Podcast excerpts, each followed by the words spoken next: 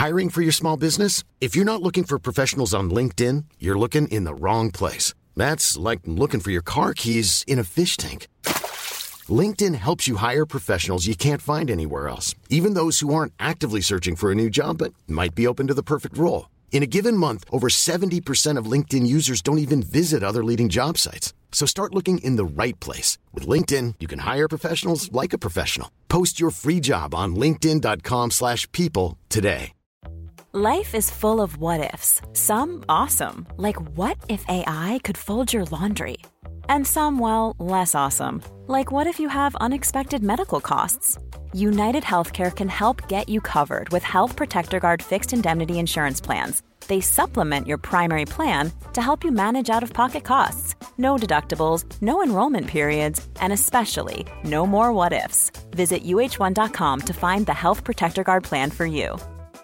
Everyone knows therapy is great for solving problems, but getting therapy has its own problems too, like finding the right therapist, fitting into their schedule, and of course, the cost. Well, BetterHelp can solve those problems. It's totally online and built around your schedule. It's surprisingly affordable too. Connect with a credentialed therapist by phone, video, or online chat, all from the comfort of your home. Visit betterhelp.com to learn more and save 10% on your first month. That's BetterHelp, H E L P.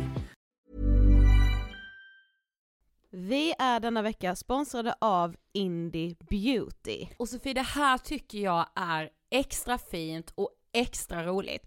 Ja men Indie Beauty är ju ett skönhetsvarumärke som jag tror att väldigt många känner till, men det jag älskar mest det är att Indie Beauty liksom vill vara mer än bara produkter, vilket de ju också är. Exakt. Indie Beauty står ju för Independent Beauty, skönhet på dina villkor och för din egen skull.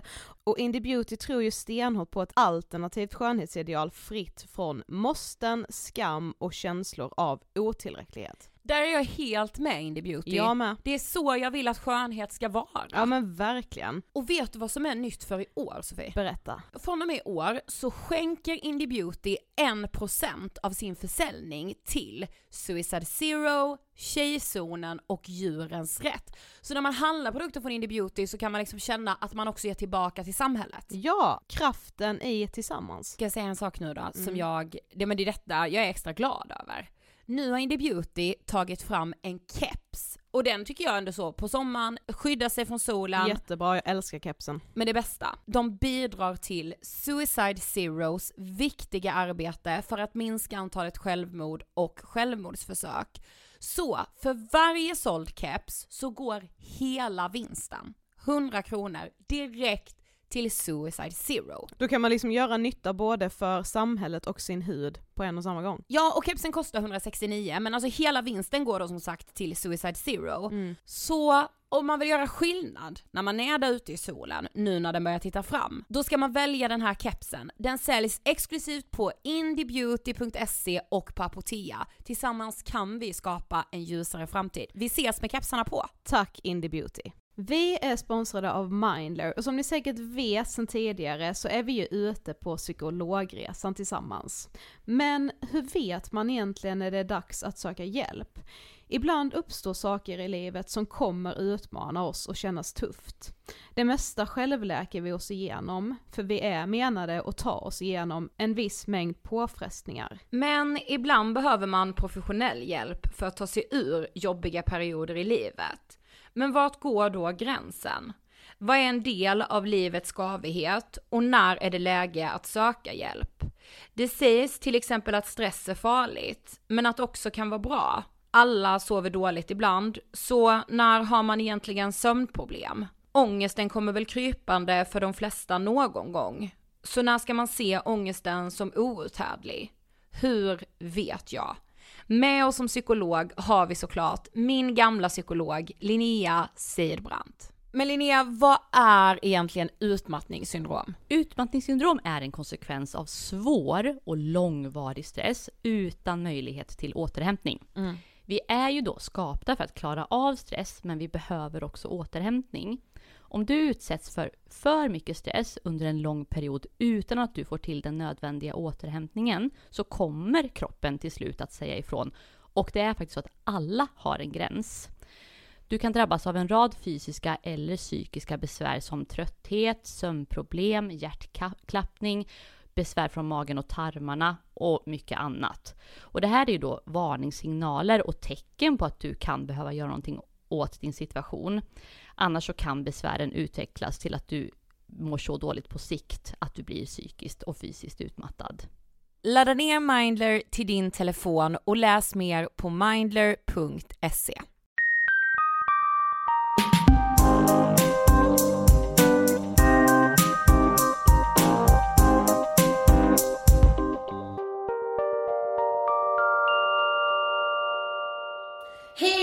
hjärtligt välkomna till Ångestpodden avsnitt 12! Jag bara sitter här och gör Peace-tecknet. Jag tänkte att det var segertecken. Ja, Det känns så jävla bra. det gör faktiskt det. Mm, det flyter på. Ja, det var därför jag lät så glad nu i början. Hörde? Jag bara! Så här stämning. Ja. ja, det känns som vi har haft eh, en bra vecka så det kanske stämningen på topp. Ja. Hoppas ni också haft en glad påsk. Mm. Eh, det, vi hade en så jäkla bra påskafton. Mm. Eh, för då poddade vi med eh, gäster som ska medverka idag. Mm. Och för er som följer oss på sociala medier, Så vet ni vem det är. ja, det borde ni göra. Nej men det var Emelie Kalén och Loxy. Yes. Eh, och eh, idag när det här avsnittet släpps så släpper även hon sin eh, debutroman En dröm från att dö. Mm. Vi har ju börjat läsa den. Ja men allvar. Sofie, alltså jag älskar den. Ja, jag tycker också den är bra. Jag kan inte, du var såhär åh jag känner igen mig så mycket. Mm. Jag, ja, jag förstår att du gör det. Jag kan typ känna igen mig i dig alltså. Ja, i karaktären Ellen ja. Ja. Ja, vissa saker. Men den, eh, det känns som att det kommer, ja det är inte ofta jag fastnar för böcker kan jag säga. Det eh, var länge det var typ i somras jag läste någon bok som jag så här, inte kunde sluta läsa. Men jag tror det här kommer bli en likadan. Så här, man längtar tills man typ ska sitta på pendeltåget och få läsa. Ja, alltså verkligen. Mm. Eh, och Emily var så, alltså hon var så himla fantastisk. Alltså Mm. så här, hon gav en så mycket energi. Mm. Ni kommer höra det av intervjun sen. Man, eh, man kommer stänga av det här avsnittet med ett leende för hon, hon ger så mycket Hon liksom. var så sprudlande. Verkligen. Mm. Eh, och vårt tips är ju definitivt läs boken. Mm. Eh, var det något annat? Alltså har du, är det något du vill berätta? Nej, men jag vill veta vad du tänkte berätta. Ja, alltså det här är verkligen, bara för att vi pratade om väder förra veckan, att jag är så påverkad av det. I torsdags, skärtorsdagen på väg till jobbet. Jag vaknar, tittar ut, det är snö. Ja. Nej men alltså, nej, alltså jag accepterar inte det. Alltså för mig var det så här: nu är det påsk, nu är det vår. Och ja men då är det det. Jag sitter på Roslagsbanan på väg till mitt jobb. Alltså när jag åker typ så här 15 minuter, ja men det bara fortsätter. Jag börjar gråta. På Roslagsbanan, jag har inte sagt det till dig men jag skulle säga nu. Jag, alltså jag, jag börjar gråta för jag bara, nej jag vill inte. jag vill inte mer liksom. Ehm, ja men så jag gråter ju typ så här 10 minuter tills jag liksom kommer på, jag bara okej alltså jag är ju ledig sen och så här. Det är liksom, nu sitter jag och gråter för vädret ja. Alltså. Var det verkligen väder då? Alltså, Ja. Ja, ja, ja. 100 procent. Det var vädret. Jag vågar inte känna kylan. nej. Nej, jag bara... liksom så här för, för att det var vitt ute och... Nej. Ja, nej. Alltså du vet, jag blev verkligen den där, du hade ju redan gått upp då när det snöade. Ja. Så när jag vaknade och bara satte mig på sängkanten så såg jag verkligen ut som den här räven. Ja, ja. Den här bara, me in the morning. Det var jag, det var, jag bara, så kom du där och vi bara kollade på varandra och bara, ja. ja, ja, ja. Nej, men så jag, alltså jag tänkte, alltså jag måste säga det i podden bara för jag liksom, alltså jag har tagit det till den nivån nu så jag är så påverkad av vädret så jag gråter. Men jag har hört att man, eh, jag tror det var Hanna och Amanda som pratade om det i sin podd, att det är något så här vetenskapligt bevisat att vissa personer blir fruktansvärt påverkade av vädret. Alltså det är verkligen, det har mycket med humöret att göra. Okej. Mm, faktiskt. Så Ja, du ska inte känna dig helt udda. Jag tror det. Nej, jag är en utvald sån person då. Ja, kanske. Mm. Mm. Jag trodde det hade kommit med åldern. ja, ja, du är så jävla gammal. Ja. Ehm, nej, just det, det här med från boken, om jag bara ska spoila lite från boken. Mm. Emily kommer läsa ett litet eh, kapitel också för er sen. Men alltså det här var så jävla fantastiskt när jag läste det. Eh, det handlar i alla fall om huvudpersonen i den här boken som heter Ellen. Hon sitter och pratar med sin psykolog. Och eh, så säger läkaren så till henne, nej hon sitter och pratar med en läkare förresten. Mm. Och så säger läkaren så här, han bara, men vad vill du liksom, vad vill du med livet? Och hon bara, ah, du tänker så här, bara, vad vill jag bli när jag blir stor eller? Och han bara, ah, bland annat liksom, tolka hur du vill typ. Och vet du vad hon svarade då? Ja det vet jag. Ja, finns det då ja. Jag vill leva. Alltså, jag har inte hört något bättre.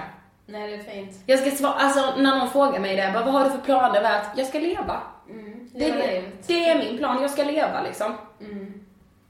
Ja, ja så. det kan man ju försöka ha med sig lite, man har lite framtidsångest och mm. and so on. Precis, jag vill mm. leva. Mm. Med de Men, orden. Ja. Rullar vi igång intervjun med Emelie. Ja.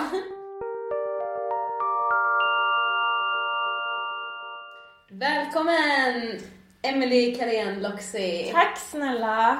Jättekul att vara här. Ja, er. vi är jätteglada att du är här. Hur mår du? Jag mår bra idag yes. faktiskt. Jag, jag längtat efter det här mötet hela veckan. Så ah. det är såhär, åh, positiv härlig energi. Det ja. älskar jag. Ja. ja men vi också det. Vi blev så glada ah. när, du ville, när du ville vara med. För vi bara, okej okay, det här måste vi. Vi, vi måste ha med Emelie. ja. När vi liksom läste om din bok och så. Ah. Eh, ja men vi börjar så här. vem är du? Berätta. Eh, jag heter alltså Emily och eh, jag är 28 år. Eh, uppvuxen i Stockholm. Eh, och eh, debuterar nu då med min ungdomsroman En dröm från att dö.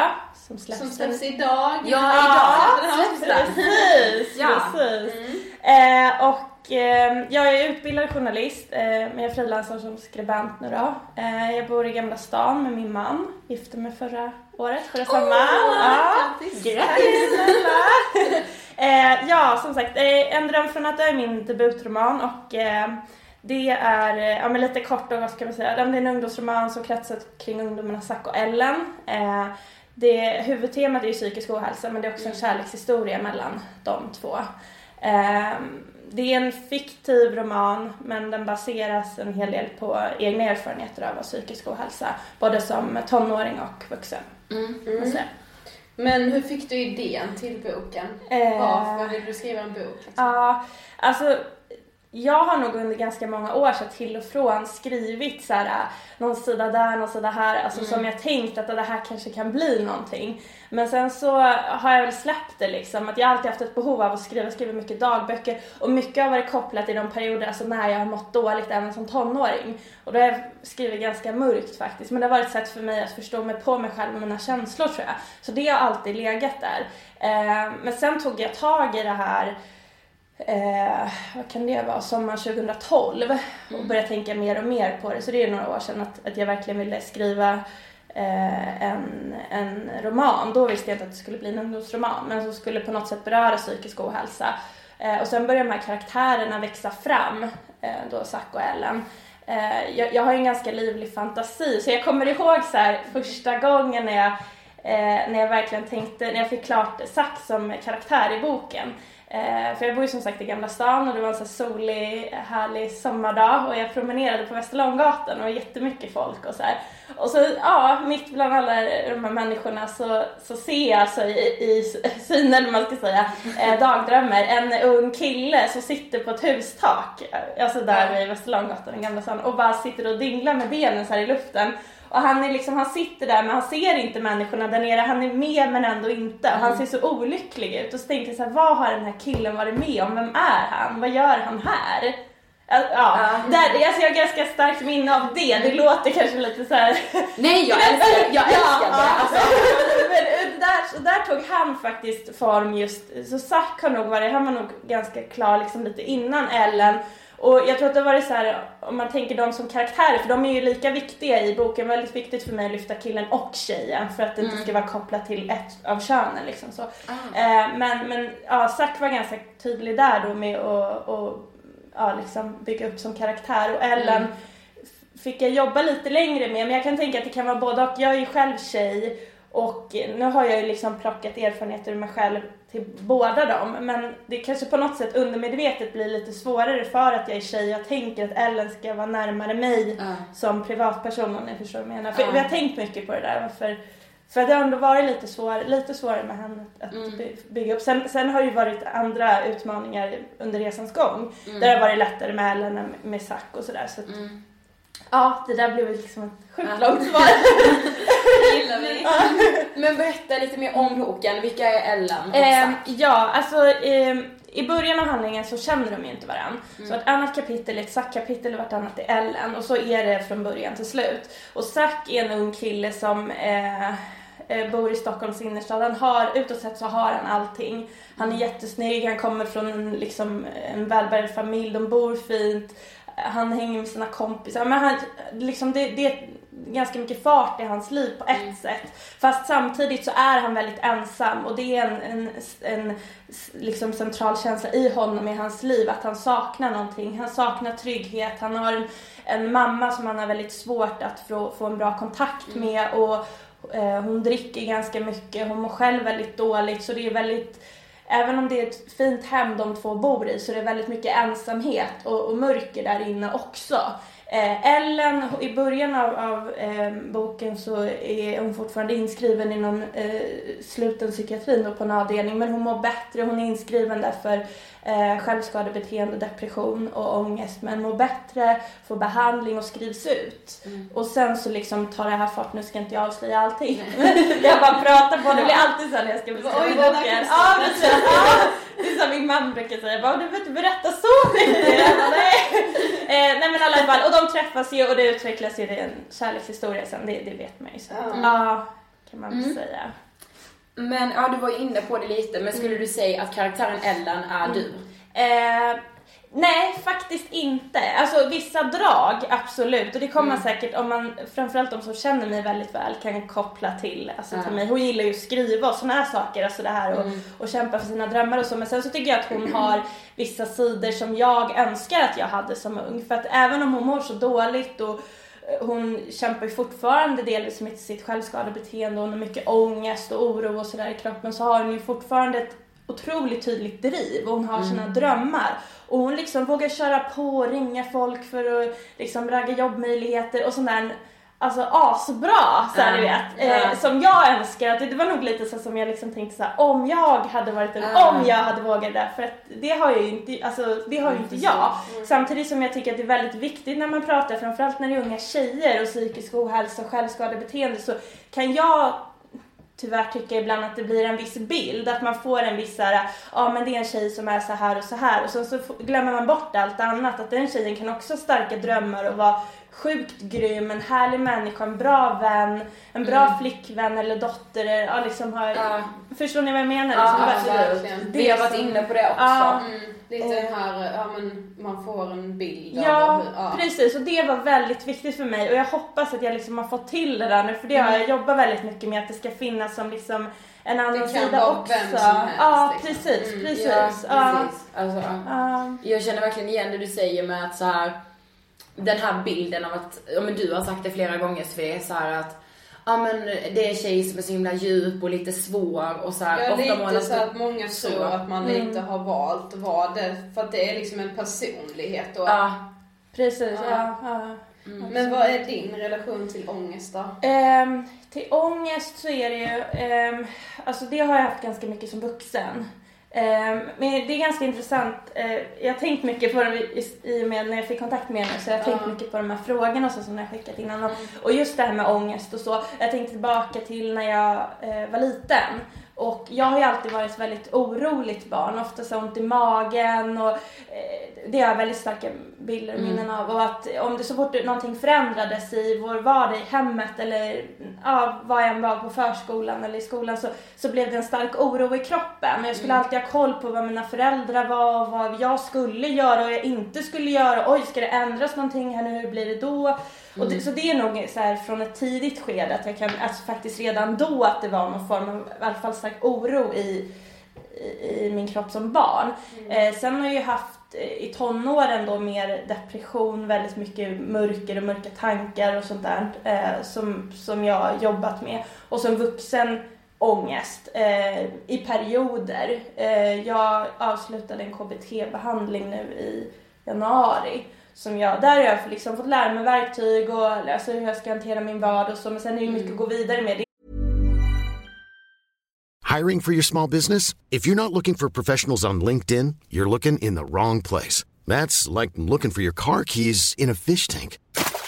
LinkedIn helps you hire professionals you can't find anywhere else, even those who aren't actively searching for a new job but might be open to the perfect role. In a given month, over 70% of LinkedIn users don't even visit other leading job sites. So start looking in the right place. With LinkedIn, you can hire professionals like a professional. Post your free job on linkedin.com slash people today. Quality sleep is essential. That's why the Sleep Number smart bed is designed for your ever-evolving sleep needs. Need a bed that's firmer or softer on either side? Helps you sleep at a comfortable temperature? Sleep Number smart beds let you individualize your comfort so you sleep better together. JD Power ranks Sleep Number number 1 in customer satisfaction with mattresses purchased in-store. And now, save 50% on the Sleep Number limited edition smart bed for a limited time. For JD Power 2023 award information, visit jdpower.com/awards. Only at a Sleep Number store or sleepnumber.com.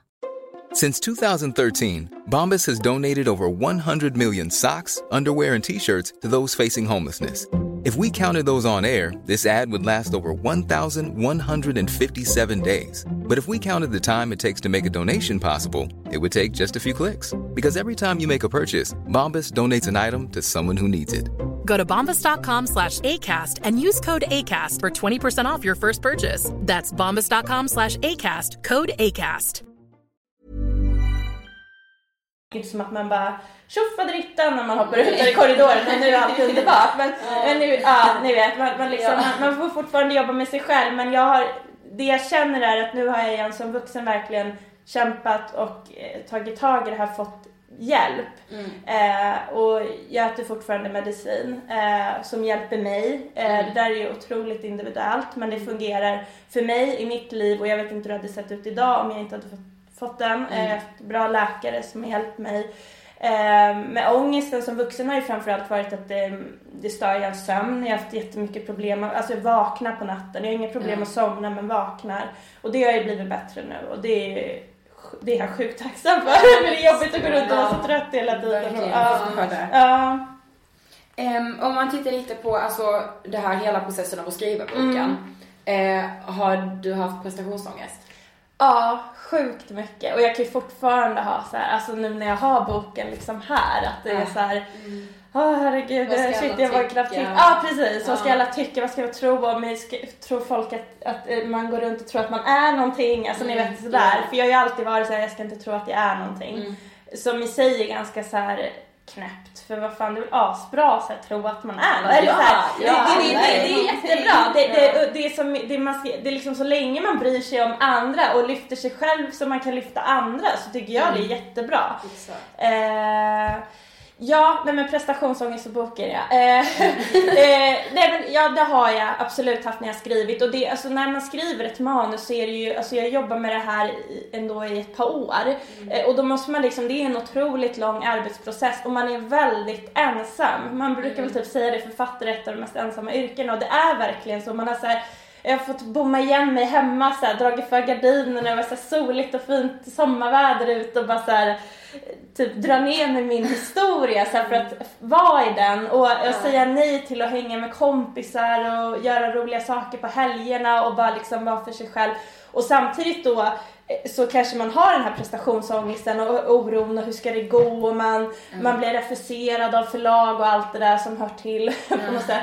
Och då blir det ju alltså mycket oro och ångest i kroppen parallellt med att jag liksom har haft problem med, Ja. med mina, alltså liksom med, med ångesten. Ja, med var den det här mycket som revs upp Mm, när du ja. började skriva boken? Mm, delvis. Ja, liksom. precis. Jag tror att det var det på gott och ont. För jag kan känna så att utan boken och utan det här idag, då hade, jag hade aldrig suttit här, träffat er eh, och, och liksom eh, och verkligen ta tag i det här eh, med med hur jag ser på det och vad jag är idag och hur det har varit som ung och våga prata om det och våga prata med mina vänner om det och med min man och jag har träffat massor med andra härliga människor som har kontaktat mig med deras historia och sånt som man inte hade fått tagit del av om jag inte hade öppnat mig själv.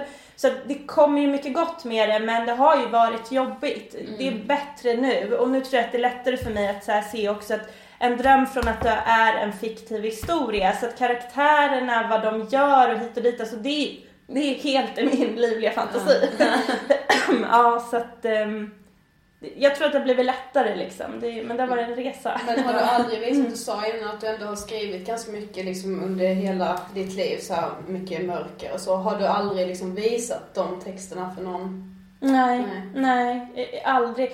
Jag kommer ihåg egentligen den personen som först fick se den typen, alltså en av de första liksom sidorna jag skrev i det här manuset som, eh, då visste jag inte ens att det skulle bli det här, men ändå en början på en dröm från att dö.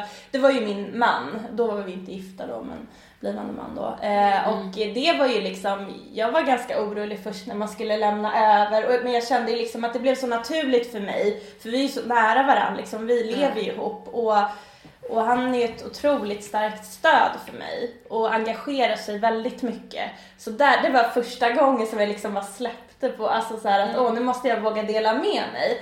Och jag var jättenervös och orolig för vad han skulle tycka och säga men det var ju jättefint bemötande, väldigt mycket värme och kärlek kring det och det har ju hjälpt mig. Så det tror jag mycket har varit att jag har det här starka stödet hemifrån. Men dina vänner då, alltså under din skoltid, Ja. så här, visste de Mm. någonting? Alltså, jag, när jag, när jag gick i gymnasiet framförallt så hade jag väldigt mycket fina vänner. Så där var jag inte liksom ensam, alltså utåt sett. Och vi hade väldigt mycket roligt, mycket roliga fester och skratt och jag gjorde resor och så. Så jag har mycket fina minnen också i det här. Men just den här delen när jag mådde dåligt och så, så har jag haft ganska svårt att nå ut med det tror jag. Som säkert många andra också känner i, alltså det är så, och det handlar ju inte om att man har varit en, man inte har sett att ens vän mår dåligt eller så, för att man måste komma ihåg att man är själv ung och har massor med, Ja. liksom, det är väldigt många som har problem på olika sätt och, och sådär. Och, och sen tror jag väl att det var, jag menar, det var ändå tio år sedan snart som jag tog studenten, så det har hänt ganska mycket tror jag på bara liksom så här, en så här podd, alltså det fanns ju inte när jag, nu låter som jag är jättegammal, men det fanns inte på min tid. Så att eh, det tror jag, det bidrar ju till det, därför är det så himla viktigt att, att yngre pratar så här, sitter Ja. i samtal, för då vågar man. Precis. Då- jag tänker ja. så här med just under gymnasiet så är man ju ofta kanske, om man umgås ett gäng eller Ja. så, då har man sin roll där. Och den kanske man får ganska tidigt i det här gänget. Att sen då helt plötsligt känna själv att bara nej jag kan inte definiera mig med den rollen längre. Det, det är ju jättesvårt att inför de andra i det här gänget så här bara, "Nej, jag känner liksom, alltså jag, jag mår inte så bra. Man Mm. fortsätter, man kör på för Mm. man bara, men det här är ju jag, jag måste ju Mm, vara så här. Ehm, Ja. för det är liksom, det, även fall, fast det känns helt fel så är det ju ändå ens trygga zon. Det är Ja, någonstans, precis. man har bara blivit den personen fast man kanske känner någonstans att det är Ja. inte jag. Liksom.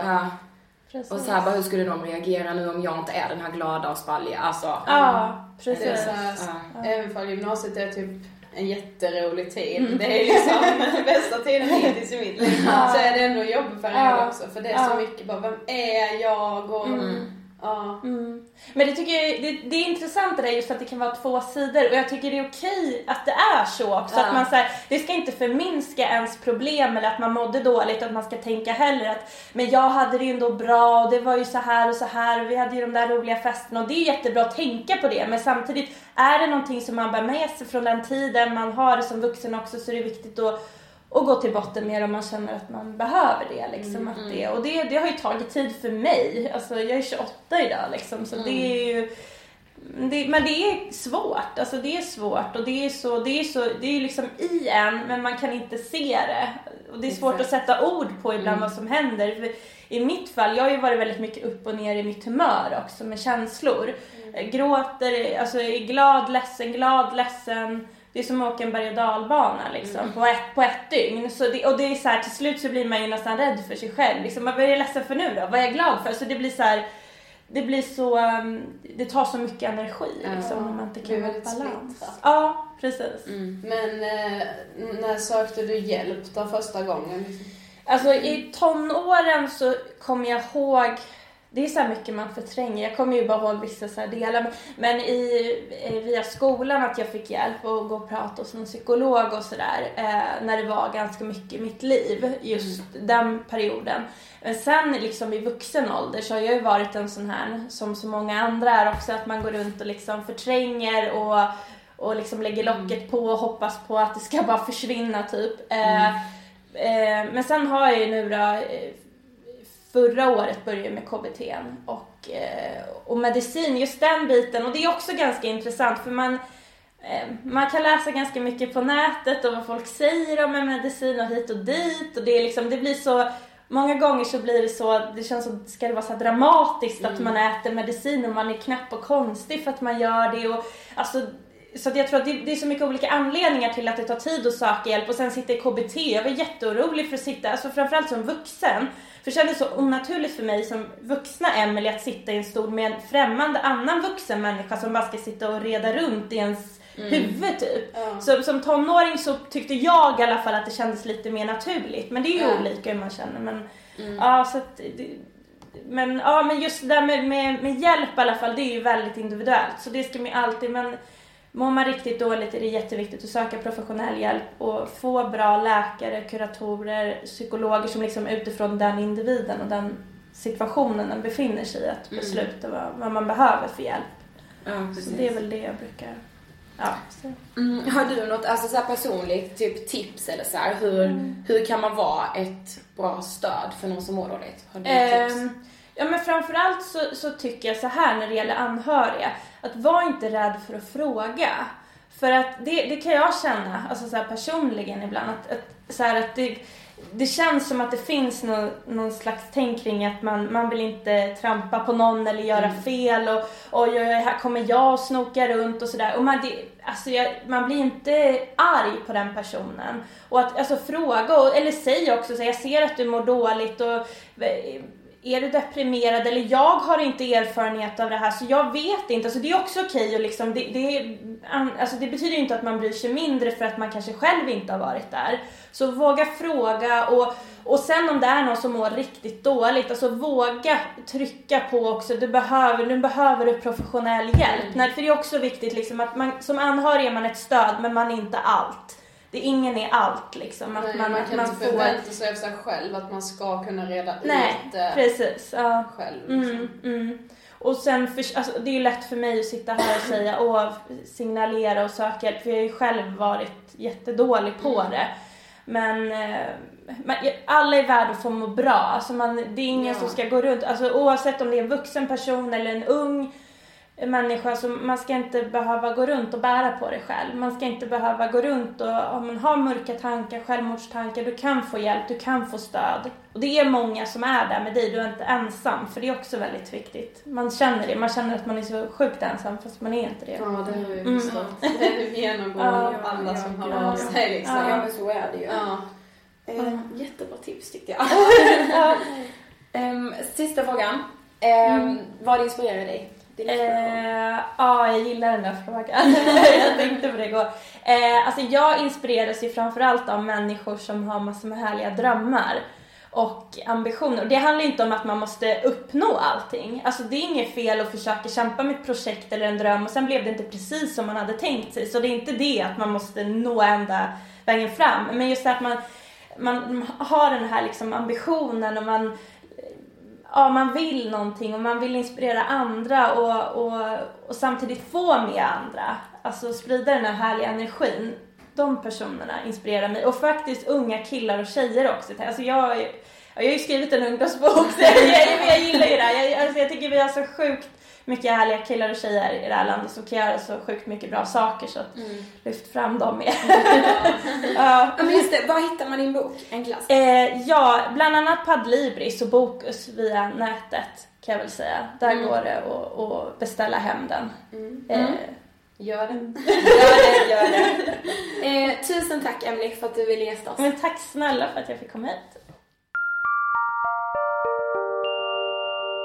Nattens ångestfyllda gränslöshet, genom mörker och tystnad. Huvudet kolliderade mot den rosa tapetserade väggen. Bakhuvudet pulserade varje gång hon dunkade det mot den hårda ytan. Hon hamrade med knytnävarna mot golvet. Flickan i rummet stod nu i en skog. De bara fötterna blödde från jacken av de vassa kvistarna. Men hon slutade aldrig att springa. Munnen var vidöppen och snustorr. I händerna vilade den svarta korpen. Fallna vingar mot kalla handflator och ett hjärta som klappade hårt för att rädda ett annat. Hon kände sig som en tjuv som försökte stjäla något som aldrig hade tillhört henne. Livet var för andra. Stegen tog kroppen framåt. Hon snubblade över en slät sten, rullade runt i granris och jordkokor. Hela tiden med händerna runt korpen. Den klumpiga kroppen gjorde henne äcklad, en vidrig fettklump, som en missbildning. Hon reste sig och sprang vidare i klänningen som blivit smutsig av skogen. Och med hjärtat ännu vassare mot bröstet. Varken hjärtat eller korpen fick falla, då skulle allting ta slut. Hon ville inte höra dödens stämma, bara slippa lyssna till livets kvävande toner. Solen tryckte genom molnen och glödde mellan trädstammarna. Med handen framför ansiktet grimaserade hon. Synen försämrades och till slut såg hon inte längre var hon sprang. Världen var vit och stilla. Hon fokuserade blicken och efter en stund såg hon konturen av en mans kropp. Gestalten var lång och mörkhårig, den ljusa hyn flöt samman med omgivningen. Han höjde handen, ropade något, vinkade igen. Hon flyttade korpen till ena handen och höll den andra mot halsen för att känna om rösten fanns kvar. Men hon kände ingenting. Fingrar mot hud som inte fanns. Fanns hon inte? Paniken kröp från fötterna upp till hjässan.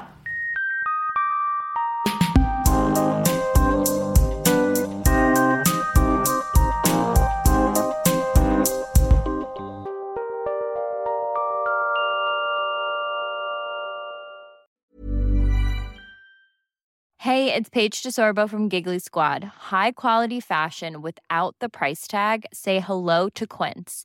I'm snagging high-end essentials like cozy cashmere sweaters, sleek leather jackets, fine jewelry, and so much more. With Quince being 50 to 80% less than similar brands.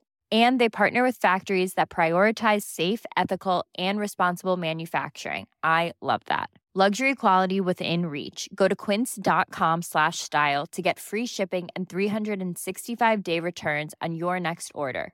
Quince.com slash style.